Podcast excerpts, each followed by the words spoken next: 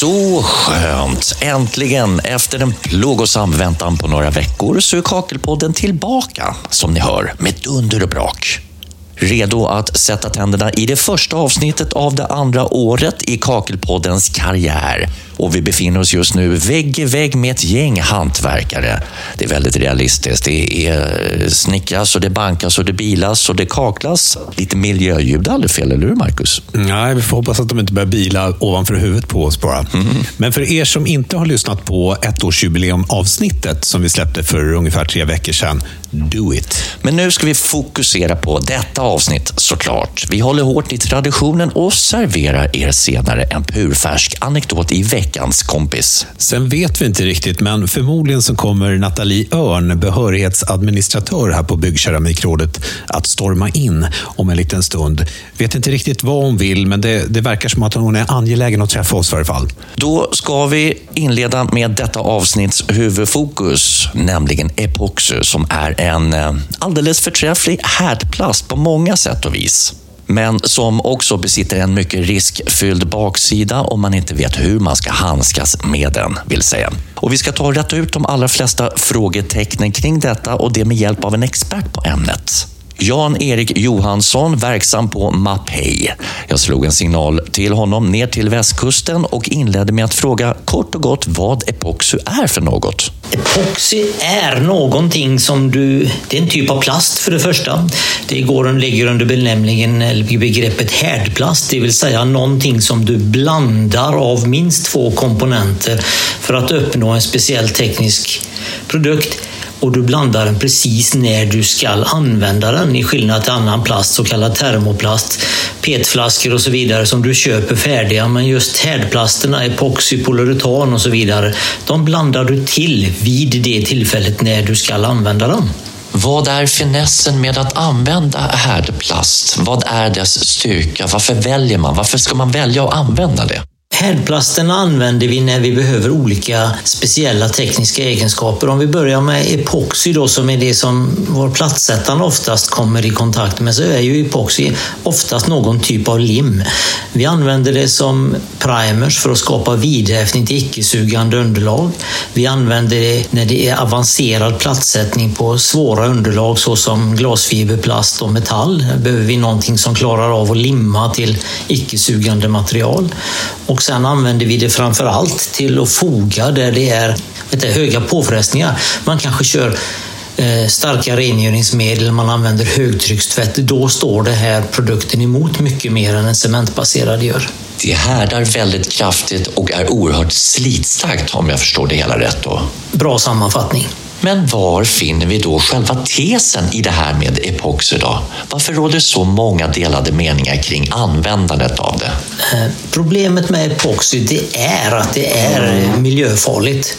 Inte både för vår eh, miljö omkring oss utan även för oss som hanterar det i hanteringsskedet, alltså en, ute, den färdiga produkten, resultatet är helt stabilt och det betraktar vi som jämställda med att slänga sten eller sand på som fyllningsmassa. Men framför allt de här A och B-komponenterna, om vi kallar dem, när man blandar dem, är starkt allergena. Man drar alltså, slarvar man så drar man på sig en livslång allergi. Det är det problemet. Jag har hört att man någon gång tillbaks i tiden när det nu var införde ett förbud emot att använda det här. Stämmer det? Eh, det finns någon, nu vet jag inte hur långt tillbaks i tiden det är, men det har funnits det. Och det är väl det ryktet vi fortfarande dras med, att eh, epoxy är något farligt, epoxy ska undvikas. Och naturligtvis, epoxy är som jag sa tidigare farligt, men det är lätt att hantera, det är enkelt att skydda sig mot de produkterna som ingår i, i plattsättarnas bruksskikt om man säger. Det är som sa primer, fix och fog och det är lätt att hantera sig för de är kontaktallergena. Det gäller att se till så man inte kommer i kontakt med huden helt enkelt. Så vad behöver man då ha koll på när man hanterar de här produkterna då? För att undvika alla tänkbara eventuella allergiska reaktioner?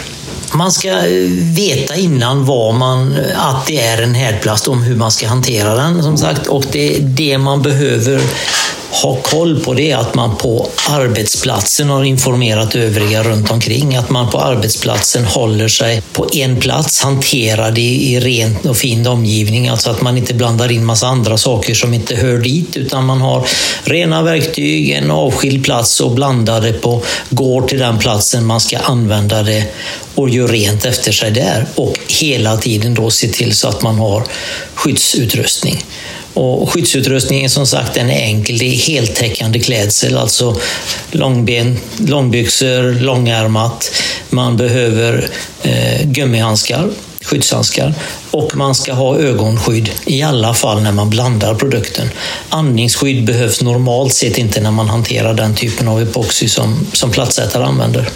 Men finns det verkligen inte någon eller några andra alternativa produkter att använda just när man ger sig i kast med de här lite mer avancerade konstruktionerna som är mindre farligt och fungerar lika bra?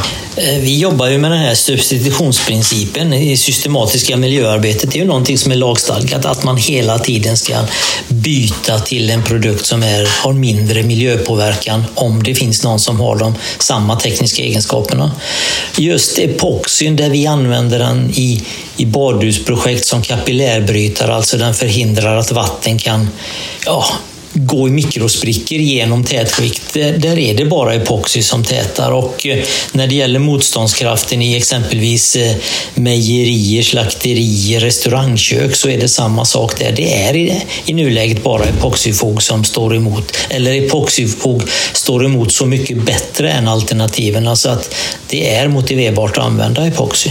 Finns det några utbildningar i hur man hanterar den här typen av riskabla produkter? Jajamän, jag ska, det, det styrs ju av eh, det finns något som heter Arbetsmiljöverkets författningssamlingar. Det är orangea häften som vi ska så det är det lagtext på begriplig svenska. Det styr allting som vi gör inne, inom bygg och inom industrimiljö.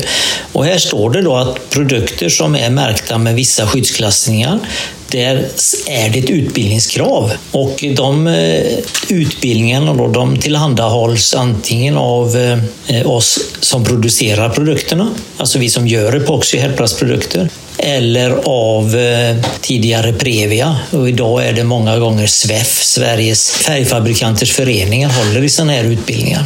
Tack så mycket för all information. Jan-Erik Johansson på Mapei. Är det någonting du vill lägga till förresten? Jag tycker man som yrkesman som sagt så ska man gå den här utbildningen och räkna med att ni får sätta av en dag till en sån här utbildning. Det är först ett teoripaket där man går igenom vad det är som är farligt och varför det är farligt. Och så är det då en praktisk del där man tittar på den typen av härdplast som man ska arbeta med. Epoxy för lim, polyuretan för injektering och så vidare. Där, där går man in på de speciella delarna. Och sedan tittar man även på avfallshantering, för det är det stora problemet ute på arbetsplatsen. Vi står ju med massa överblivet material. Vi står med kärl som innehåller ohärdad härdplast och det ska man lära sig att ta hand om så att man inte orsakar några miljöskador. Men det är precis det här som utbildningen är till för. Eget skydd, skydd av omgivning och tredje person och miljö. Så att det är ett paket som man helt enkelt ska ta till sig. Onekligen ett intressant ämne. Vi har fått sällskap av Christian Pettersson, en av experterna på Byggkeramikrådet. Jag tänkte börja eh, fråga dig Christian, vad har du för reflektioner på det Janne sa här nyss? Ja, men han har ju helt rätt. Eh, dagens eh, epoxiprodukter som vi jobbar med, framförallt inom plattsättningen, är ju väldigt snälla mot oss, mot de gamla så att säga. Förut så hade vi isocyanater i våra epoxiprodukter som då var dels cancerframkallande och det var ju en enormt stark doft. Idag märks det knappt att vi jobbar med epoxin utan vi ska skydda oss med kläder, handskar, glasögon och så vidare. Ni har ju en linje, en heta linje på Byggkeramikrådet där man kan ringa och ställa frågor eller mejla in. Eh, är epoxy eh, en fråga som, som är återkommande? Nej, vi får inte mycket frågor om det och det handlar ju om att eh, vi använder inte mycket epoxybaserade produkter i våra små konsumentbadrum. Utan det är, epoxyprodukterna kommer ju då på stora badhus, det kommer i storkök och sånt och det, det får vi inte lika mycket frågor om. Men hur jobbar ni då från Byggkeramikrådets sida när det gäller just epoxifrågor? Ja, för det första är det som Janne sa, då, att det är ett krav från Arbetsmiljöverket att samtliga som arbetar med epoxy ska ha en utbildning. I det ligger också då för arbetsgivarna att göra en riskbedömning på varje objekt när man jobbar med epoxy. Eh, vi har ju nu tagit fram en epoxutbildning i samråd med då ett utbildningsföretag för att då stärka branschen, att vem som helst ska kunna få möjlighet att gå en epoxutbildning. Så att för vår del blir det då en, en eh, medlemsnytta att vi kan då erbjuda en epoxykurs för både arbetstagare och arbetsgivare för att då kunna se till att de har rätt utbildning. Idag är det ju då för medlemsföretagen eh, en subventionerad kostnad mot vad det kostar för övrigt. Då. Så det låter som att det kan vara en god anledning att bli medlem i Byggkeramikrådet? Absolut. Eh, annars får man ju ut i djungeln och leta själv efter kurser då, på det man behöver ha. Räcker det med den här utbildningen? Är man klar sen eller? Epoxymästare? Liksom? Man är godkänd enligt Arbetsmiljöverket. Sen bör man ju då få en produktspecifik information från sin leverantör om just deras produkter som då är epoxybaserade. Bra, tack för det Christian. Tackar. Då tar vi ett litet skutt över till något helt annat. Och vi vet ju alla att coronan fortfarande håller ett stadigt grepp om många länder, tyvärr. Men framöver kanske vi vill ut i stora vida världen och söka spänning och jobba lite där. Och då är det viktigt att veta vad man ska svara ifall någon potentiell arbetsgivare i det landet som man siktar in sig på undrar vad man arbetar med. Och är ni till exempel Turkiet, ja då svarar ni Ben fayamsdöşeme ustasıyım. Som betyder jag arbetar som plattsättare. Uh, Okej, okay. vad är det här? Eller Syrianska. Anna Belat. Jaha, som också då kanske betyder jag arbetar som platssättare, tänker jag, eller? Mm, helt korrekt. Och på thailändska heter det... Åh, brack i brallan, nu ska vi lägga plattor! Men, alltså, Leif, vad håller du på med? Vad, vad, vad var det där för något? Ah, förlåt, det blev lite fel. Här i thailändskan. Och har man sökt sig till Italien, då låter det så här. Lavoro come piastre. Ja, men nu räcker det väl ändå, va, Leif? Ja, ja, men jag, jag vet att många plattsättare drömmer om att få arbeta utomlands och däribland i Japan har jag hört. Och får man frågan i Japan vad man arbetar med, ja, då är svaret. Ja, ja men alltså nu, nu tycker jag vi går vidare. Va? Ja, men vad, ja, vad då alltså? Och i Storbritannien, då är det följande svar som gäller. I work as a tailor. Oh lord, it's tea break. Bra. Men kan vi kanske lämna det här nu och ägna oss åt lite viktigare saker? Ah, Okej, okej. Tjena grabbar! Ja, men Nathalie Örn, vad, vad gör du här? Jag tänkte, medan ni ändå är i huset, eh, så tänkte jag faktiskt eh, lyfta en fråga som jag får ganska ofta nu på telefon. Och det är just det här i hur man blir behörig. Eh, och jag vill bara påminna er lyssnare där ute att detta hittar ni ju på hemsidan. Vi har en flik som heter utbildning och där finns det ytterligare en liten flik som heter hur man blir behörig. Läs där, gå in där och läs så kommer ni hitta all information så slipper ni höra min ljuva stämma, vilket man kanske vill. Men eh, där hittar ni all information. Men vi har ju pratat mycket behörighet tidigare avsnitt. Vad är, det, vad, är det många som hör av sig nu alltså kring det här? Ja, många vill ju bli behöriga eh, och gå våra kurser. Och just för att spara den här tiden, för det är väldigt mycket samtal just nu, för att spara tiden för er att slippa sitta med telefonen. Så gå in och läs där först. Skulle ni inte förstå eller ha frågor, då får ni jättegärna slå en pling. Men, eh, men grundläggande information om just hur man blir behörig hittar ni på hemsidan. Bra, tack för det Nathalie. Tar du med dig dörren när du ska ut igen bara? Absolut, så ses vi kanske nästa gång. Ja, hej. Ja, strålande. Ja, men det var bra inspel från Nathalie där. Och är det så att du vill läsa mer om det här, gå in på bkr.se. Där kan du också hitta en massa annan nyttig information. Mm. Ni kan ju också höra mer om behörigheter i tidigare avsnitt, bland annat i sexan och sjuan om inte jag missminner mig. Mm, det stämmer bra det. Du eh, Leif, när jag var ute och gjorde några intervjuer här om veckan så började jag prata med några plattsättare eh, kring just bilar. Och jag har inte tänkt på det tidigare, men det är ju såklart superviktigt att tänka till vad man behöver för fordon som plattsättare. Och som jag har förstått det så använder man främst eh, skåp eller pickupbilar. Ja, alltså ett fordon är ju A och O som plattsättare. Herregud vad mycket prylar de har. Berlingo ser jag jättemycket, den där Multispace. Och Caddien, alltså den gjorde premiär 1997. Gammal rackare. Volkswagens Caddy, jättepopulär. Mercedes Sprinter har vi, bra skåpbil. Och Kangoon, icke att förglömma. Hyfsat populär Renault där ute, det kan jag skriva under på. Mm. killarna som jag snackade med, de hade ju haft både och, det vill säga både pickup och skåpbil, men de föredrog eh, alla tre skåpbil. Och den stora fördelen tyckte de att man får plats med mycket mer. Man kan få in en hel pall med kakel till exempel och, och hur mycket som helst annat. Och Ska man ha funktion, ja då är det skåpbil tycker de och inget annat som gäller. Men det där är ju naturligtvis olika beroende på vad man har för förutsättningar, tänker jag. Men det de sa, var inte rädd för att satsa på en större skåpbil som du utan problem kan stå raklång i. Mm. Slippa vara krokig. Liksom. Det är jättebra om man kan stå raklång i en bil. det är inte riktigt det jag är ute efter när jag köper familjebil direkt. Nej. Eh, bilen är oerhört viktig för er platssättare, så är det ju. Och är det ett ämne som ni skulle vilja höra mer kring i podden, hör av er till info.bkr.se och berätta om ni vill att vi fördjupar oss kring detta eller om det är något annat som ni vill att vi ska lyfta fram i Kakelpodden framöver. Nu har vi kommit till veckans kompis och den här gången är det Lina Teller ifrån Vällingby som driver sitt egna företag Kvinnoverkstan som bjuder på den här storyn. Det, här är många år sedan. Det var en, en äldre man som var pensionär. Han satt hemma och så skulle jag komma och lägga hans eh, hallgolv. Så han tog en pall och satte sig liksom där jag skulle jobba. Så han satt hela dagen. Det tog väl kanske en förmiddag sådär. Och sen eh, skulle jag säga tack och hej och sen så stängde jag dörren efter mig och sa att liksom, det här får ju vila nu tills imorgon och gå på. Ja, och sen hann jag gå kanske fem meter så hör jag dörren öppnas och då går han liksom ut på golvet och ska säga något. Jag kommer inte ihåg vad han ville säga nu då, men, men han trampade ju rätt ut på det där som jag precis hade lagt. Så det var bara att gå tillbaka och förklara för gubben att du kan inte gå på det här, du måste vila. Men han, eh, han var lite sån här stolt man också som ville se att jag gjorde rätt. Och sen är jag ju kvinna också så då var det lite sådär. Och då fick jag lite tillbaks på honom då att han, det var han som gjorde fel och inte jag den här gången. Och han skämdes ju lite när jag väl gjorde om de här plattorna. Då, men, men eh, han satt hela dagen från att jag kom till att jag då fick rätta till det igen. Då. Hur var det då att ha någon som sitter och bevakar en hela dagen? Ja, det är inte första gången. Det finns ju några sådana, just äldre män. Jag förstår också det att det är de är hemma och det är kul att det kommer någon och då vill man prata och sådär. Men sen har man lite svårt att säga nej till dem också. Man vill ju vara trevlig och sådär.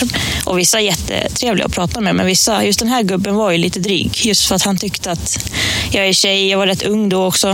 Och ja, han ville väl kolla egentligen att jag mer gjorde rätt. Det var den känslan jag fick. Vissa är ju sådär bara intresserade och vill lära sig kanske och kolla hur det går till. Och, men han ville bara kolla så att jag gjorde rätt så fick han ta, äta upp det sen när han klev ut på golvet. Så det var roligt.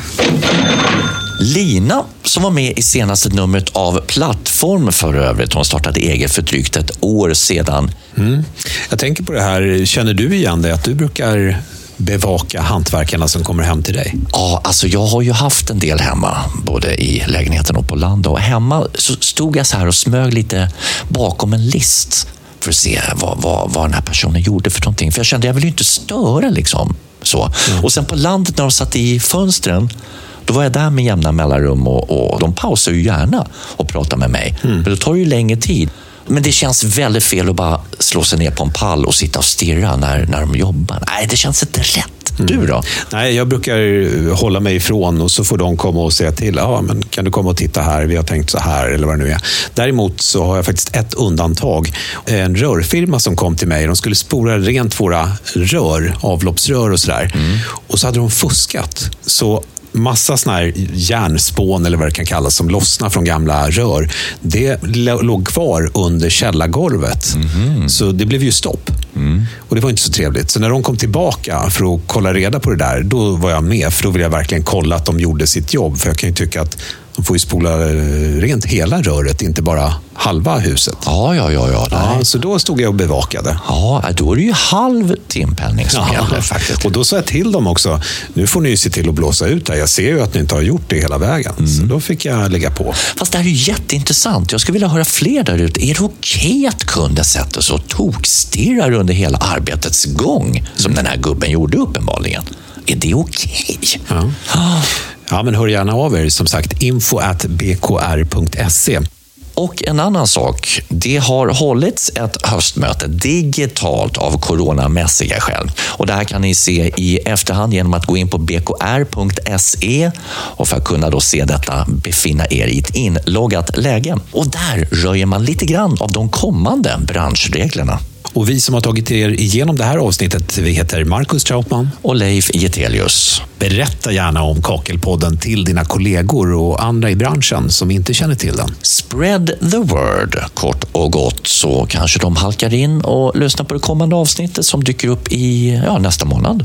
Mm. Och Det kommer att bland annat kan man säga handla om försäkringsärenden. Ja, och veckans kompis är tillbaks och lite annat smått och gott såklart. Det är dags att säga som plattisen Janne. Satt platta sitter.